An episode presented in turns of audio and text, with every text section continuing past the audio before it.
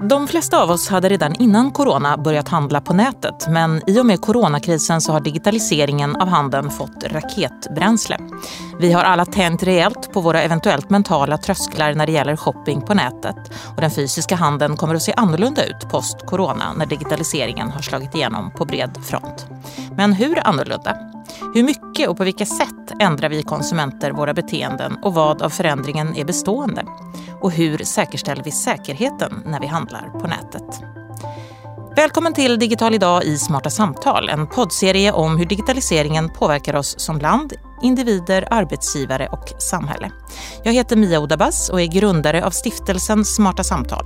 Vi arrangerar samtal både live och i poddformat kring breda samhällsfrågor med deltagare från samhällets alla hörn. Digital idag är en folkbildningsrörelse där så många aktörer som möjligt talar om digitaliseringens möjligheter och konsekvenser. Initiativtagare är Forum för omställning tillsammans med DIGG-myndigheten, IVA, SKL och LO.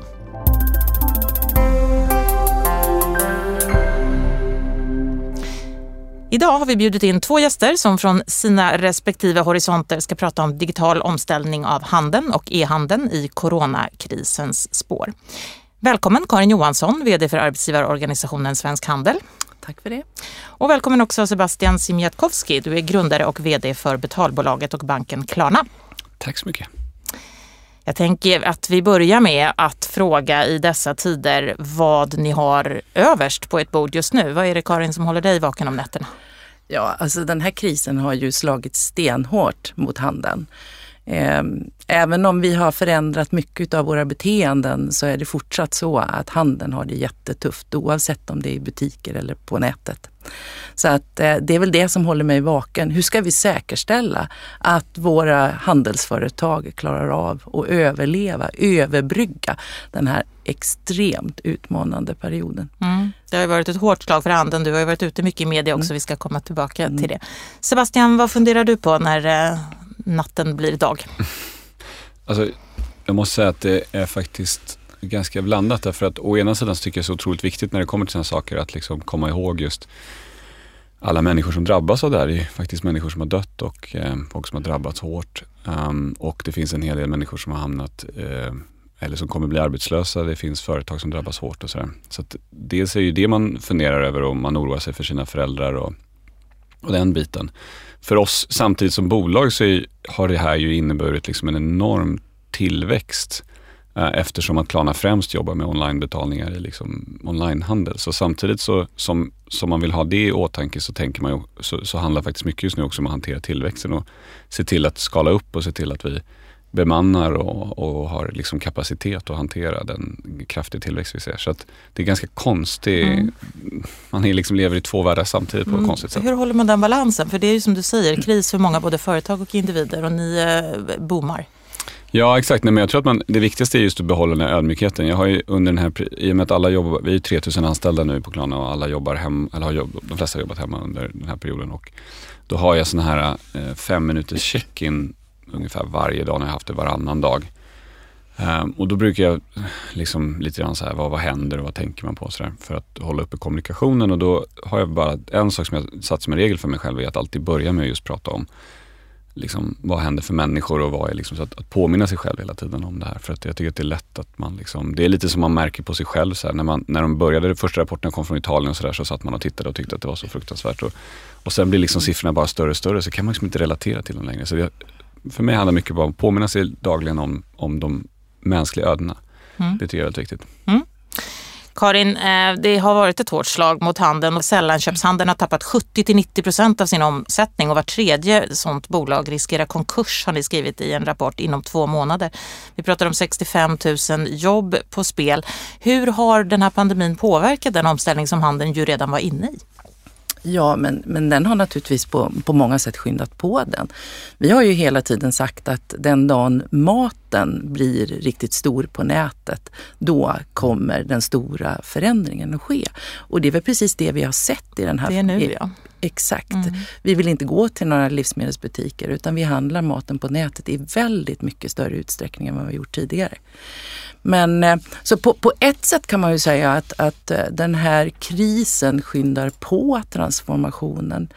Men samtidigt ska man komma ihåg att det är så otroligt många företag som stod mitt i sin digitaliseringsresa, var på väg in och hade investerat mycket i teknik och lösningar för att också bli attraktiv på nätet. De där marginalerna som man hade för att investera i tekniken, de finns ju inte på samma sätt idag. Så att det, det jag ska säga det är både och. De som redan fanns på nätet och som, som var färdiginvesterade eller åtminstone hade bra tekniska lösningar. De har nog klarat sig bättre än om du tittar på de som, som liksom stod mer i början av den här digitaliseringsresan. För där har nog pengarna i väldigt stor utsträckning tagit slut. Mm, så i det här fallet lönade det sig att ligga lite före? Ja, det kan mm, man nog säga. Mm. Du, du har tidigare sagt att Sverige ligger efter andra länder när det gäller krisåtgärder från eh, politiken och regeringens håll. Nu vet jag att ni har ju precis fått det ni har begärt om allt. Det kommer ju mm. nya krisåtgärder varje dag. Vad är det som står överst på din önskelista nu? Det finns två stora kostnadsposter i handeln. Eh, det är naturligtvis både personalen och det är hyror och naturligtvis teknik. Eh, och eh, de där fasta kostnaderna har vi ju i det här läget fått hjälp med. Korttidspermitteringarna, nedsättningen av, av arbetsgivaravgifterna, att staten har tagit över sjuklöneansvaret har ju hjälpt många företag.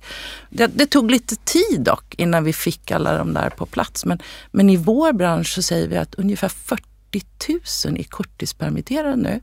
Så att vid sidan om industrin så är ju vi den största branschen, eller den mm. bransch som har utnyttjat det här med korttidspermitteringar mest. Mm. Så det, det är positivt. Och sen kom ju, när prat, vi pratar om fasta kostnader så kom ju de här hyressubventionerna. Det tog väldigt lång tid innan, innan fastighetsägarna reagerade. Eh, regeringen fick väl plocka upp sina egna statliga fastighetsbolag och ta dem i örat och visa vägen. Eh, nu får ni gå före. Eh, och det har de börjat göra. Så att vi, får, vi, vi, ser en liten rörelse nu så vi hoppas verkligen att det där fortsätter.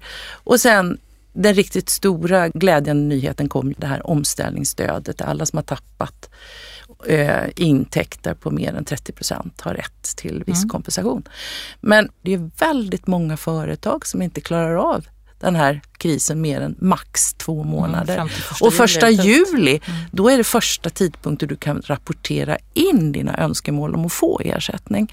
Och sen kommer handläggning på det. Så att jag tycker tidsaspekterna på de, på de här reformerna, hastigheten och, och att det, det, är enkelt för företagen att faktiskt få del av dem. Vi ska ju komma ihåg att det här handlar om en kort period. Men, och, och, det är väl också så att en hel del av de åtgärder som regeringen har, har eh, lanserat, de behöver man nog liksom förlänga. Eh, och nu, nu pratar man ju om sjuklöneansvaret, det har man förlängt. Jag skulle tro att även korttidspermitteringarna kan bli föremål för förlängning.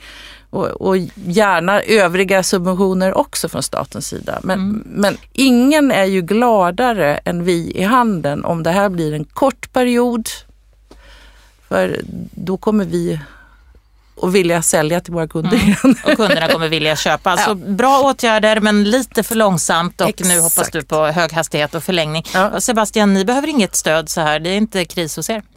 Nej, det behöver vi inte. Men däremot så tänker jag på det du sa just att och, och um, en sak som jag, jag vet inte, det, jag, jag tycker man ska vara så försiktig liksom när man jag är inte politiker och jag sitter inte där. Men jag, jag, tycker lite, jag upplever att det finns en, en, en missad möjlighet när man har infört de här grejerna. Därför att jag tycker inte man har utnyttjat digital teknik på det sättet man hade kunnat göra för att snabbare verkställa de här stöden. Om man tittar på det så är det som så att idag är alla handlare eh, digitalt tvungna att rapportera in momsrapporteringen mm. månadsmässigt. Det innebär att staten faktiskt har data som visar exakt på vem som har drabbats mm. i vilken utsträckning. Den informationen finns tillgänglig. Och det hade varit i min värld, jag har fortfarande lite svårt att förstå varför man inte utnyttjade det läget till att då säga så här, okej, okay, en proportionerlig minskning i moms ska kvittas mot en proportionerlig minskning i arbetsgivaravgifter i första hand, i sociala arbetsgivaravgifter och i viss mån även löne. Liksom. Så att, för att om du säger att du tappar då 50 procent av dina momsintäkter, eller du ser att 50% momsen minskar, va? då betyder det att dina intäkter har minskat med 50 procent. Då hade du kunnat sagt att så här, motsvarande eh, sänkning får du göra på arbetsgivaravgifterna och så vidare. Så att, du hade kunnat hitta, tycker jag, digitala sätt att, att liksom snabbare komma in med de här. Och där känner jag lite grann tyvärr fortfarande att vi i Sverige det finns en liksom, och jag blir så ledsen över det här i Sverige, att det finns fortfarande så otroligt mycket liksom misstänksamhet mot näringslivet från ganska generellt faktiskt i det politiska spektrat. Att man hade bjudit in näringslivet till så här, alla digitala företag där ute, öppnat upp portarna och bara sagt, hörni, kom in och programmera de här systemen åt oss. Gör det på några veckor. Jag känner otroligt många IT-konsulter som inte hade någonting att göra under krisen nu, liksom, som hade älskat att få den typen av uppgifter. Där tycker jag fortfarande lite synd att vi som samhälle inte, till och med under en sån här kris, kan liksom trycka bort de här liksom förutfattade meningarna om att någon är en arbetsgivare och någon är en arbetstagare och, och alla har liksom sina... Här, Men har du kommit med det förslaget till politikerna? Det har, det har funnits en uppsjö av privata initiativ där folk har försökt engagera sig i att allting från att fixa ventilatorer till att fixa tester och sådär. Det är väldigt kul att se men tyvärr har det också varit ganska okoordinerat. Så att det har varit väldigt mycket och jag, jag blir alltid så jag tycker alltid det är så svårt med sådana saker därför att i min värld, jag har hört av mig en gång till, eh, till ledande politiker i Sverige och erbjudit hjälp och, och fick svaret att det inte behövdes. Liksom. Um, i, men det kanske var att den idén jag kom med. Du får stöta på igen. Ja, exakt. Så, så, jag gjorde ett försök i alla fall från min sida. Men, men samtidigt så känner jag också att jag vill ju liksom, jag vill ju vara lite försiktig för jag vill inte klampa in. Alltså, jag vill ha respekt för att de sitter och hanterar det utifrån sina förutsättningar på bästa sätt. Men så att, ja, det är därför jag ändå vill säga det liksom en viss mån av försiktighet. Att jag, jag, jag har inte suttit på deras sida, jag vet inte vad liksom, diskussionerna har varit och allt annat. Men utifrån sett så känner man så ah, Det finns potential det för mer känns som samarbete. att det, Ja, jag tycker faktiskt mm. det. Och att liksom våga jobba närmare mellan samhälle och näringsliv. Det, mm. vi, har, vi vill så gärna hamna i den här polemiken att det är två motsatspoler. Liksom. Håller du med om det Karin? Absolut. Mm. Eh, jag tycker det, det, är en klockren analys den du gör Sebastian. Eh, jag, jag har suttit i ett antal möten i regeringskansliet eh, med allt från statsminister och, och, och neråt i hierarkin. och eh, försökt förklara hur det ser ut och vad vi kan göra.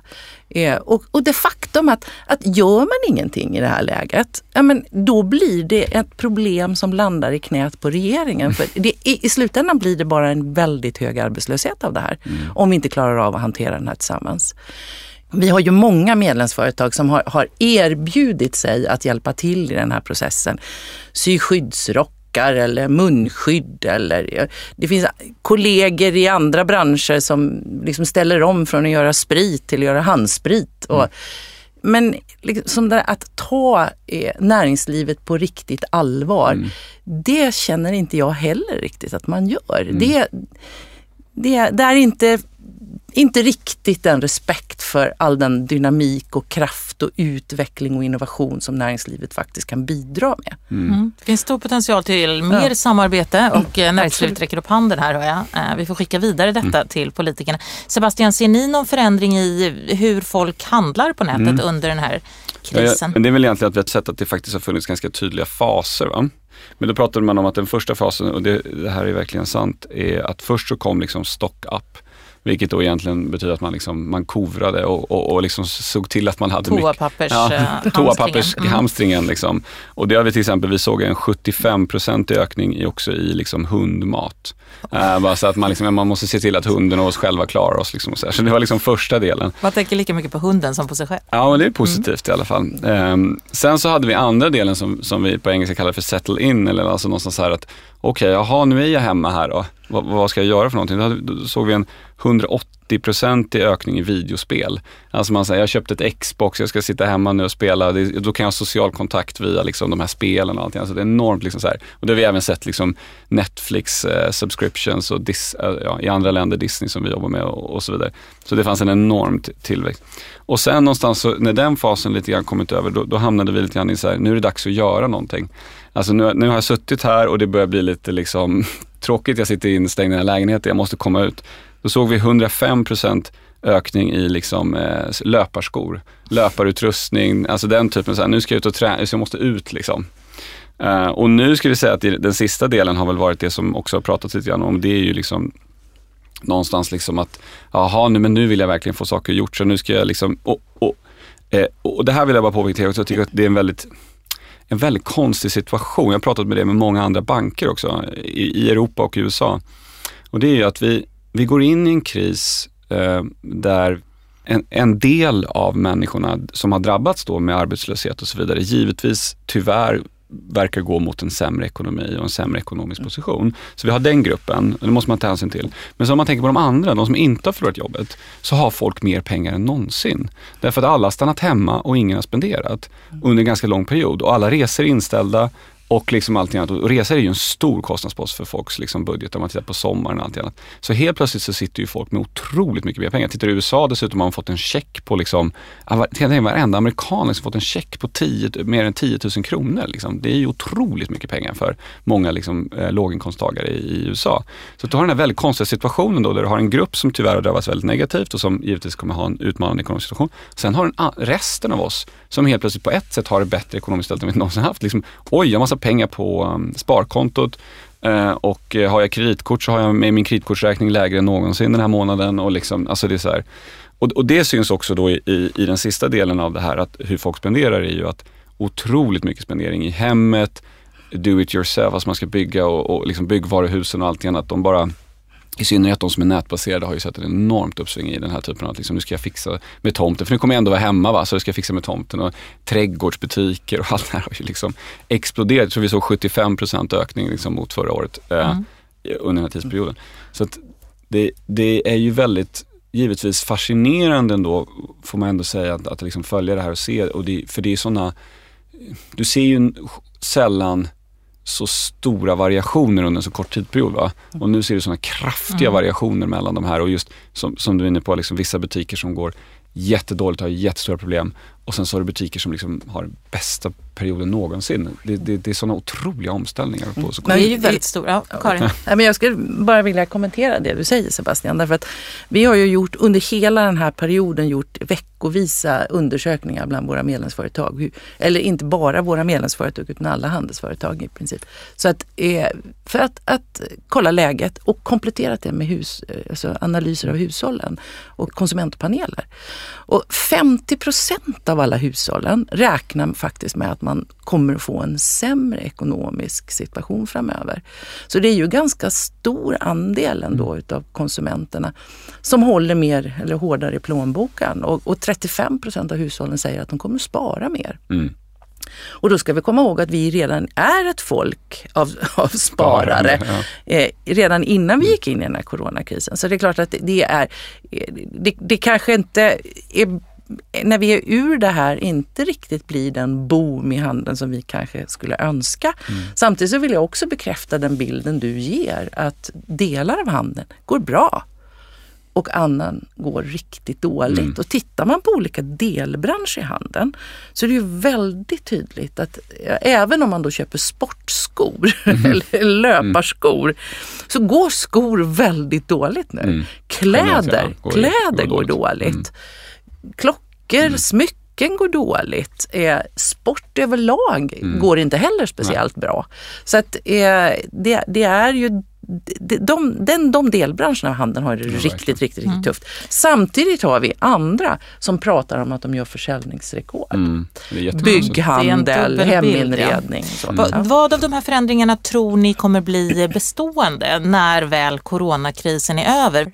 Jag måste säga att min erfarenhet eh, när jag har jobbat i 15 år eh, med människor eh, på klanen och så vidare. Det är ju någonstans att så här, hur, vad får folk att förändra sitt beteende? Jo, det är ju inte om vi berättar någonting för dem. Att bara berätta en historia, det kan förändra lite grann, men det har sällan särskilt stora förändringar. Oftast går vi tillbaka och fortsätter göra det vi gör.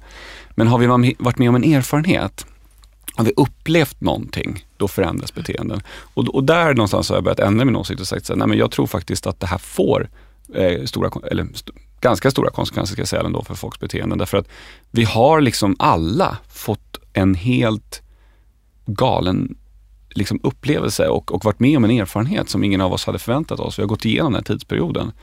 Um, och då tror jag att det är rimligt, liksom, jag, jag tror att att jag, jag tror tyvärr, det märker vi mer och mer också när vi pratar, vi har ju en hel del kunder inom resesegmentet. Liksom. Och där bör, har man ju liksom gått från att så ja oj det här är fruktansvärt och det är en kortvarig kris och sen liksom kommer allt gå tillbaka till att man så här, nu hörde jag från några amerikanska flygbolag som, som eh, vi pratade med som sa liksom att nej men vi räknar med att liksom när, när vi har kommit ur det här så är vi tillbaka på 70-talets nivå av flygande. Det är liksom deras målbild att det är på 70, ungefär 70-talet. Det är en 50, 50 år tillbaka i tiden i liksom antal flygavgångar och så vidare. Det är där man tror man kommer hamna. Och, och såklart e-handeln, absolut. Alltså att man ser att eh, vet du vad, det var faktiskt väldigt smidigt att handla mat och det var väldigt smidigt att göra de här grejerna och allt annat. Så att där har du ju, jag tror verkligen att det här blir liksom en, en skjuts och det ser vi i våra siffror också, men det blir en skjuts. Sen kommer man ju såklart, tror jag, viss mån gå tillbaka lite när butikerna öppnar och sådär och, och folk är med på stan. Men jag tror det blir mindre resande. Jag tror folk faktiskt blir lite mer försiktiga med att spendera. Mm. Vad tror du Karin, vad kommer att hänga kvar? Nej, men jag tror också att, att e-handeln kommer att öka. Och precis som du säger Sebastian, alltså folk har vant sig vid att eh, man förändrar sitt köpbeteende. Samtidigt som jag också tror att, att eh, butikerna eh, kommer också vara attraktiva. Och, och, eh, det var ganska intressant eh, Eh, jag var i USA eh, i, januari eh, och lyssnade på ett antal... När man fortfarande kunde resa. när man fortfarande kunde resa, ja. riskkapitalister som investerar i handel. Mm. Som, som då samfällt sa att vi satsar inte på företag som är renodlade butiker eller renodlad e-handel. Mm. Utan vi satsar på de som har både och.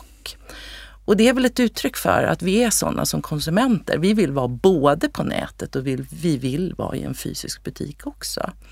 Och stadens attraktivitet Alltså det här borde ju alla kommunpolitiker bekymra sig över. Vad händer med våra städer när vi förändrar våra konsumtionsmönster? För det är klart att allt tyder på att vi kommer att handla mer på nätet. Mm. Men vad händer då i stadskärnan och hur får vi liv och rörelse där? Vad är det den ska fyllas av? Mm. Det är ju nästa podd, tänker jag. Det får vi prata om i, i nästa podd. Ja. Eh, Sebastian, ni är ju bank mm. också, mm. eh, har banklicens och du har sagt någonstans, har jag läst, att er ambition är att vara en av de tre, fyra globala konsumentbankerna mm. innan 2030. Eh, vad menas med det? Den traditionella banken, den svenska traditionella bankerna är extremt breda i sin produktportfölj. Alltså de har ju tusentals produkter. De ska hjälpa oss med, med sparande, de ska hjälpa oss med aktiehandel, de ska hjälpa oss med försäkringar, de ska hjälpa oss med pensionsförsäkringar, de ska hjälpa oss med, med bostadslån och så vidare. Och det som det, det internet gör är att den sliter sönder eh, företag som försöker ha för breda produktportföljer. Därför att du, på en lokal marknad traditionellt så var det som så att du blev stor bank i Sverige. Hur, om du ville växa din bank och bli ännu större, då, ja men då la du till fler tjänster och så sålde de till dig samma kunder. Det var liksom det sättet man växte på. Eh, uh, Medan det vi har nu är att du får tjänster som är mycket, mycket mer specialiserade och nischade. Och sen så väljer man att istället växa globalt och tillhandahålla dem till hela världen egentligen då. Eller i, så vad kommer er bank att bestå av då? Nej, men så att det vi är väldigt intresserade av på Klarna, det är ju så att vi, vi kommer inte hålla på med liksom erbjuda folk aktiehandel. Det finns Nordnet och Avanza och andra specialiserade bolag som är superduktiga på det. Det vi vill hålla på med är vardagsekonomin. Det är den vi tycker är spännande. Alltså så här, folks vardagliga eh, spendering då. Om jag handlat på, handlar på nätet eller handlar i butik kort, ha koll på min vardagsekonomi. Hur mycket kan jag spendera? Vi har ju till exempel i vår app nu möjlighet att följa så här. Det har blivit en fantastiskt bra tjänst, väldigt kul att se nu, som, där man kan se liksom hur jag har spenderat olika kategorier och ha lite koll på sin ekonomi, sätta budgetar för sig själv och sådana saker. Um, och det, där, där tror vi att vi ska vara och vi kommer liksom fortsätta vara väldigt fokuserade på den delen och det tror vi över tid kommer leda till att andra banker, eh, och det har man faktiskt redan hört, jag tycker till exempel Handelsbankens VD har gått i bräschen för att hon har börjat prata om just att så här, men vi kanske inte ska vara i alla kategorier. Vi kanske ska fokusera på det Handelsbanken är riktigt duktiga på, vilket faktiskt är fysiska butiker, eller så här, fysisk närvaro och den här extremt lokala och väldigt liksom, företagarvänliga eh, relationen. Så jag tror att det, det leder till att det bryter upp de här gamla strukturerna och det kommer leda till en mycket större specialisering, men då istället bolag som är globala. Mm, så ni ska ägna er åt vardagsekonomi, inte bolån, inte aktiehandel, inte bankkontor. Det sägs ju enligt en undersökning som är gjord av Sparbanken att sju av tio bankkunder inte vill gå in på ett bankkontor. Mm. Så där finns det ju potential då för er som inte har några sådana. Ja, absolut. Och sen har ju många, liksom, i USA har man ju försökt experimentera då lite som, som retail också har gjort, att man har stoppat in en kafeteria där inne och tänkt att ja, men då kanske folk kommer att dricka kaffe hos oss och så.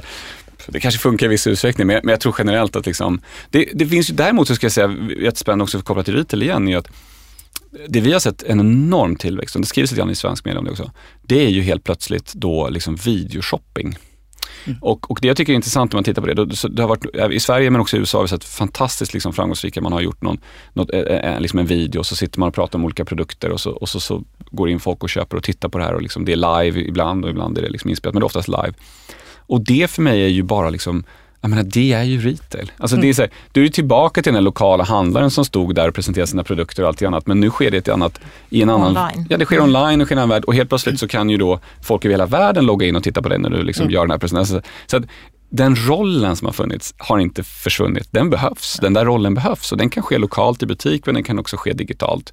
Eh, men, men just det, det som händer med digitalt, det blir nya kanaler, det blir nya sätt där vi liksom eh, tillfredsställer samma behov som vi haft tidigare. Och jag, jag hörde till och med att, att i Kina så är live-shopping nu nästan upp och taggar på 10 procent Ja. av e-handeln. Ja. Så att eh, det är ju Ja. my, mycket av det som händer i Sverige Ja. kommer ju också numera österifrån, Ja, inte bara exakt. Nej, västerifrån. verkligen. Jag Så fick att just nu här och absolut. idag lära mig videoshopping. Det har jag faktiskt aldrig upplevt. Men eh, det kanske kommer då även till mig.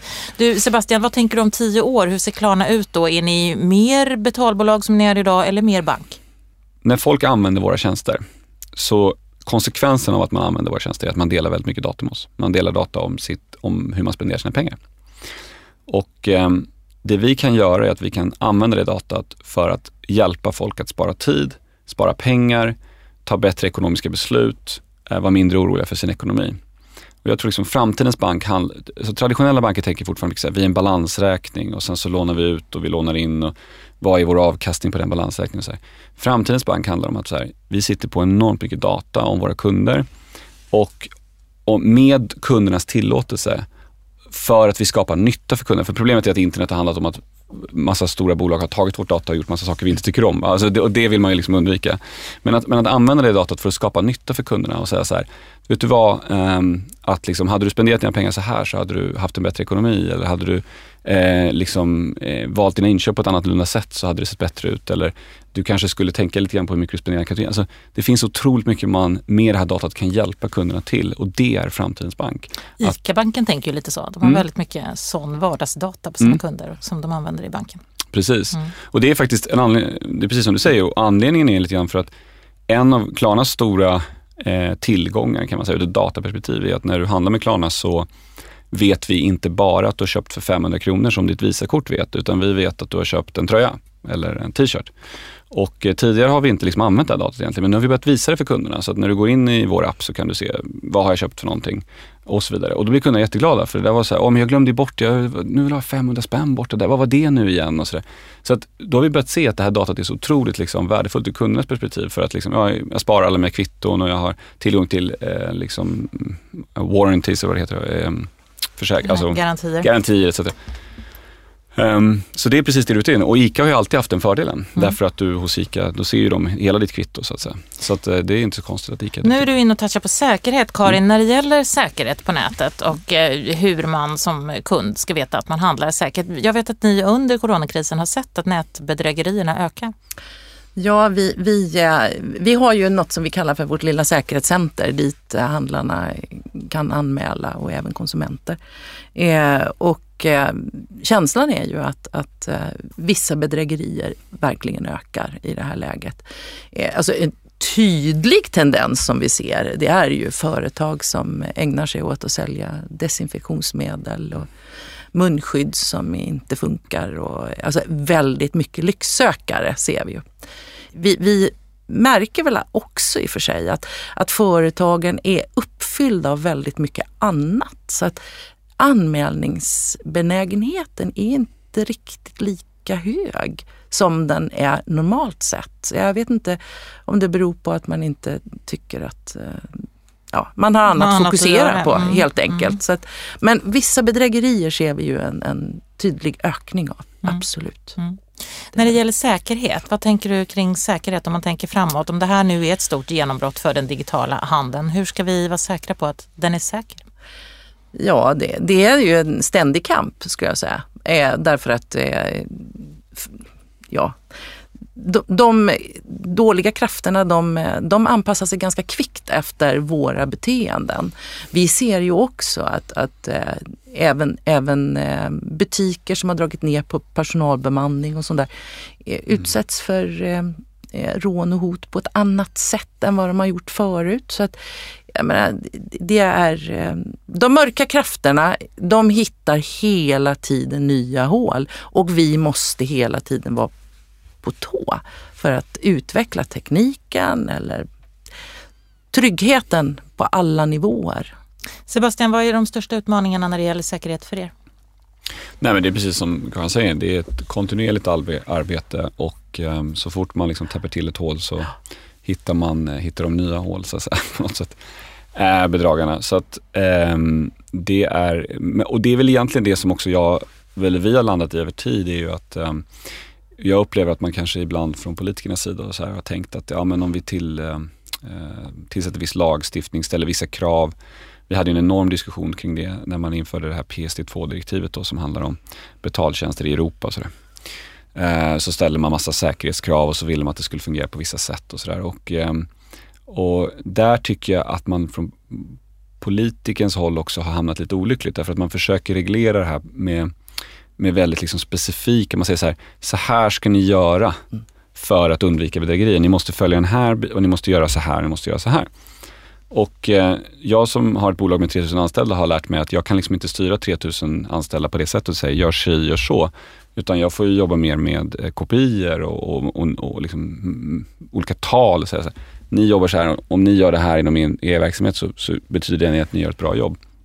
Och jag tycker politikerna också i större utsträckning, när man har reglerat kring de här grejerna, borde prata om så här, jobb, alltså sättet, liksom, sättet krav ni får ha max så här mycket bedrägerier som procent. Ni måste liksom nå de här nivåerna. För det som är Sen får man göra det på sitt eget sätt. Ja, precis. För då gynnar man ju entreprenörskapet och liksom utvecklingen. Alltså för då kan man investera i utveckling, teknik och så. Här. Så det här har man också på europeisk nivå hamnat lite fel lagstiftningsmässigt tyvärr. Men måste inte det inte vara noll bedrägerier? Måste det inte vara det som är målet? Jo, det, jo, det är det absolut. Men samtidigt så är det ju så här också tyvärr att, att liksom som allting annat, det, det kommer ju alltid finnas kvar i någon, i någon utsträckning.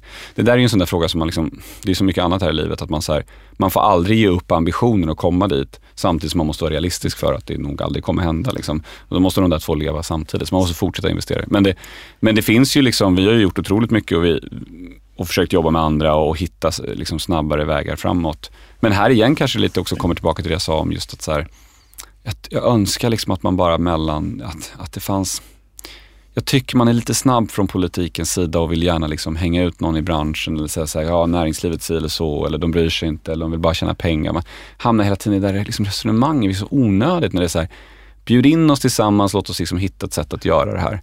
Um, och, och, och göra det så fort som möjligt. Det finns extremt många bra exempel i Singapore och i Asien där man har liksom kommit extremt mycket längre genom ett närmare samarbete. Samtidigt ligger det i politikens intresse att garantera säkerheten då. Det är väl därför de klåfingrar ja. sig lite tycker du? Ja, det kanske, jag vet inte. Och sen också att det är så billiga politiska poäng någonstans. Att så här, ja, näringslivet är elakt och det är deras fel och de bryr sig inte. Liksom. Okej, vad bra. Det låter som att du behöver få en inbjudan till regeringskansliet. ja, men jag skulle nog ändå vilja säga att, att eh, jag, jag, tror att det ohjälpligt är så att politiken alltid kommer efteråt. Och det är mm olyckligt när politiken stiftar lagar som hämmar innovationskraft och mm. utveckling. Eh, men däremot, det finns ju en annan dimension av, av brottslighet också. Det är ju liksom eh, straffen. Eh, vad ska du kunna göra utan att du faktiskt blir dömd? Och, och där måste ju politiken in och reglera mm. trots mm. allt. Alltså det, men jag, vet, jag, jag, tycker också det här är det, är, det är naturligtvis alltid en kamp mot klockan och en utmaning att säkerställa att vi har relevanta regelverk på plats. Mm. Mm. Det är en balansgång ja. eftersom lagstiftningen, demokratin är ofta lite långsammare och kanske ska vara det Exakt. också på något sätt. Men ja. inte för långsam och heller inte man kan, man, man kan möjligen säga att alternativet, om det går allt för fort, mm. skulle kallas för diktatur. Mm. Det är Skulle man kunna säga. När det gäller lagstiftningen och mm. EU-lagstiftningen så vet jag Karin att ni har ju varit väldigt engagerade i det här eh, som handlar om plattformsansvaret. Det vill mm. säga hur stort ansvar ska de bolag som säljer på nätet mm. ta för det de säljer slash förmedlar. Hur är läget där? Det kommer ny lagstiftning i höst. Ja, det var vad vi hade hoppats. Det är ju så här att när du säljer en produkt till en svensk konsument så ska du säkra att de produkter du säljer följer alla de produktsäkerhetsregler vi har. Både vad gäller kemikalier eller när det gäller elektronikstandard eller vad det kan vara för något. Men om du är en plattform så förmedlar du bara en vara och har inget ansvar för de produkter du säljer till konsumenten. Och det här är någonting vi tycker är, är lite skevt. Det är en skev konkurrens och i synnerhet mm. som vi vet att många av de stora plattformarna inte alls är vare sig svenska eller europeiska företag utan ganska stora aktörer. Eh, och eh, glädjande nog har ju kommissionär Margrethe Vestager sagt att när hon nu tittar på lagstiftningen för den digitala inre marknaden att hon ska ta tag i de där frågorna. Eh, corona har väl ställt en del på ända, så det vi hörde, det var ju annonserat att det skulle komma i kvartal fyra i år. Men det vi hör nu är väl att det är framflyttat något kvartal till, till början av nästa år. Men eh, vi lobbar, vi försöker påverka för att också påskynda det här. För vi, vi tror att ska europeiska, svenska företag ha samma möjligheter som alla andra företag har så måste vi också ha en lagstiftning och regelverk som inte hämmar konkurrenskraften. Mm.